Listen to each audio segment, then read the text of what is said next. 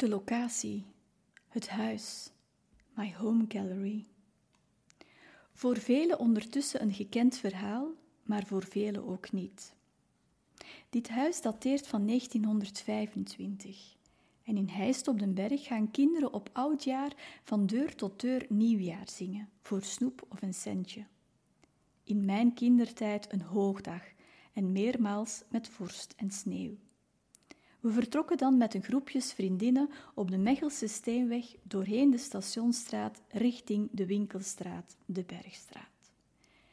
Ik ging op twee plaatsen tweemaal zingen.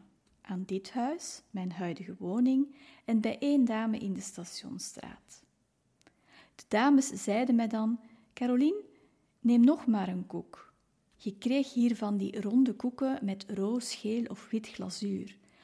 Maar zei dan: Nee, dankjewel, dat is vriendelijk, maar ik heb al een koek gekregen vanmorgen.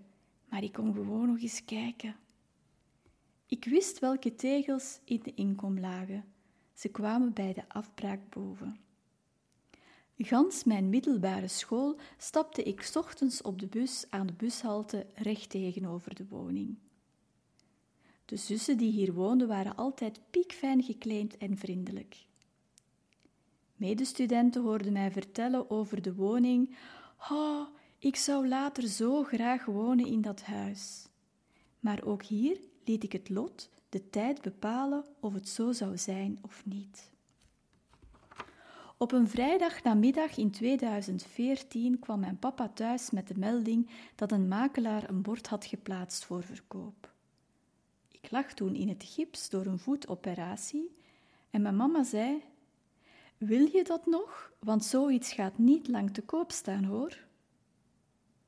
Ik twijfelde een beetje, maar ze belde de makelaar, die vroeg: Mevrouw, hoe weet u dat al? Ik stap net in mijn auto. Ik liet mijn ouders een kijkje gaan nemen om alvast te oordelen over de staat van de woning. En wat bleven ze verdacht lang weg. Ze hadden maar onmiddellijk een bod gedaan. Er waren drie kandidaten.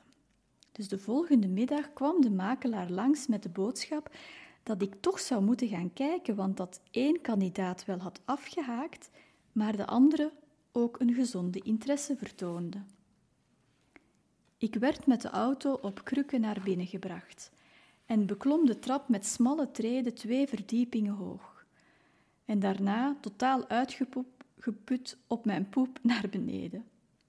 Ik kocht het huis en bij akte bleek dat de neef, die enige erfgenaam was en in het noorden van Nederland woonde, één dochter had die in dit huis was gedoopt en, toeval of niet, ook Caroline heette.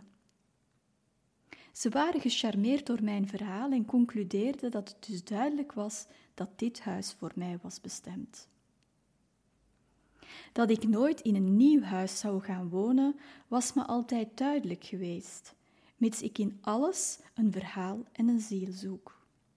Zo bleef het huis op Heistation overeind, wat vele parochianen fijn vonden. Ik verhuisde met kerst 2018.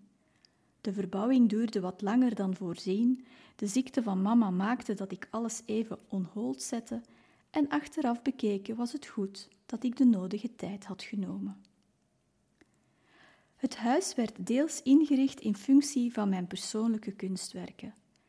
En later zei ik wel eens: Al wat ik aankoop komt hier terecht, terwijl ik toen nog helemaal niet van plan was er hier een galerij van te maken. Integendeel. Corona maakte dat de verbouwing van het bandenbedrijf naar een bedrijvencentrum anders liep als ook de evolutie van de galerij. Dat zeevuur was voor iedereen een ongekende beproeving. Ik ging daardoor een jaartje naar Knokken met een pop-up.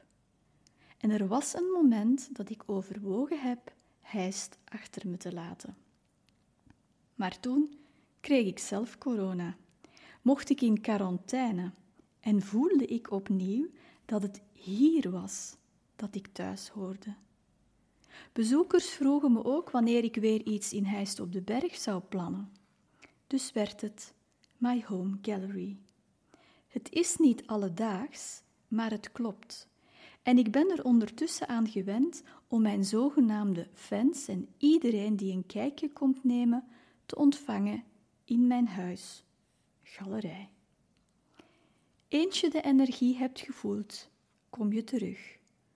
So, be always welcome and be inspired.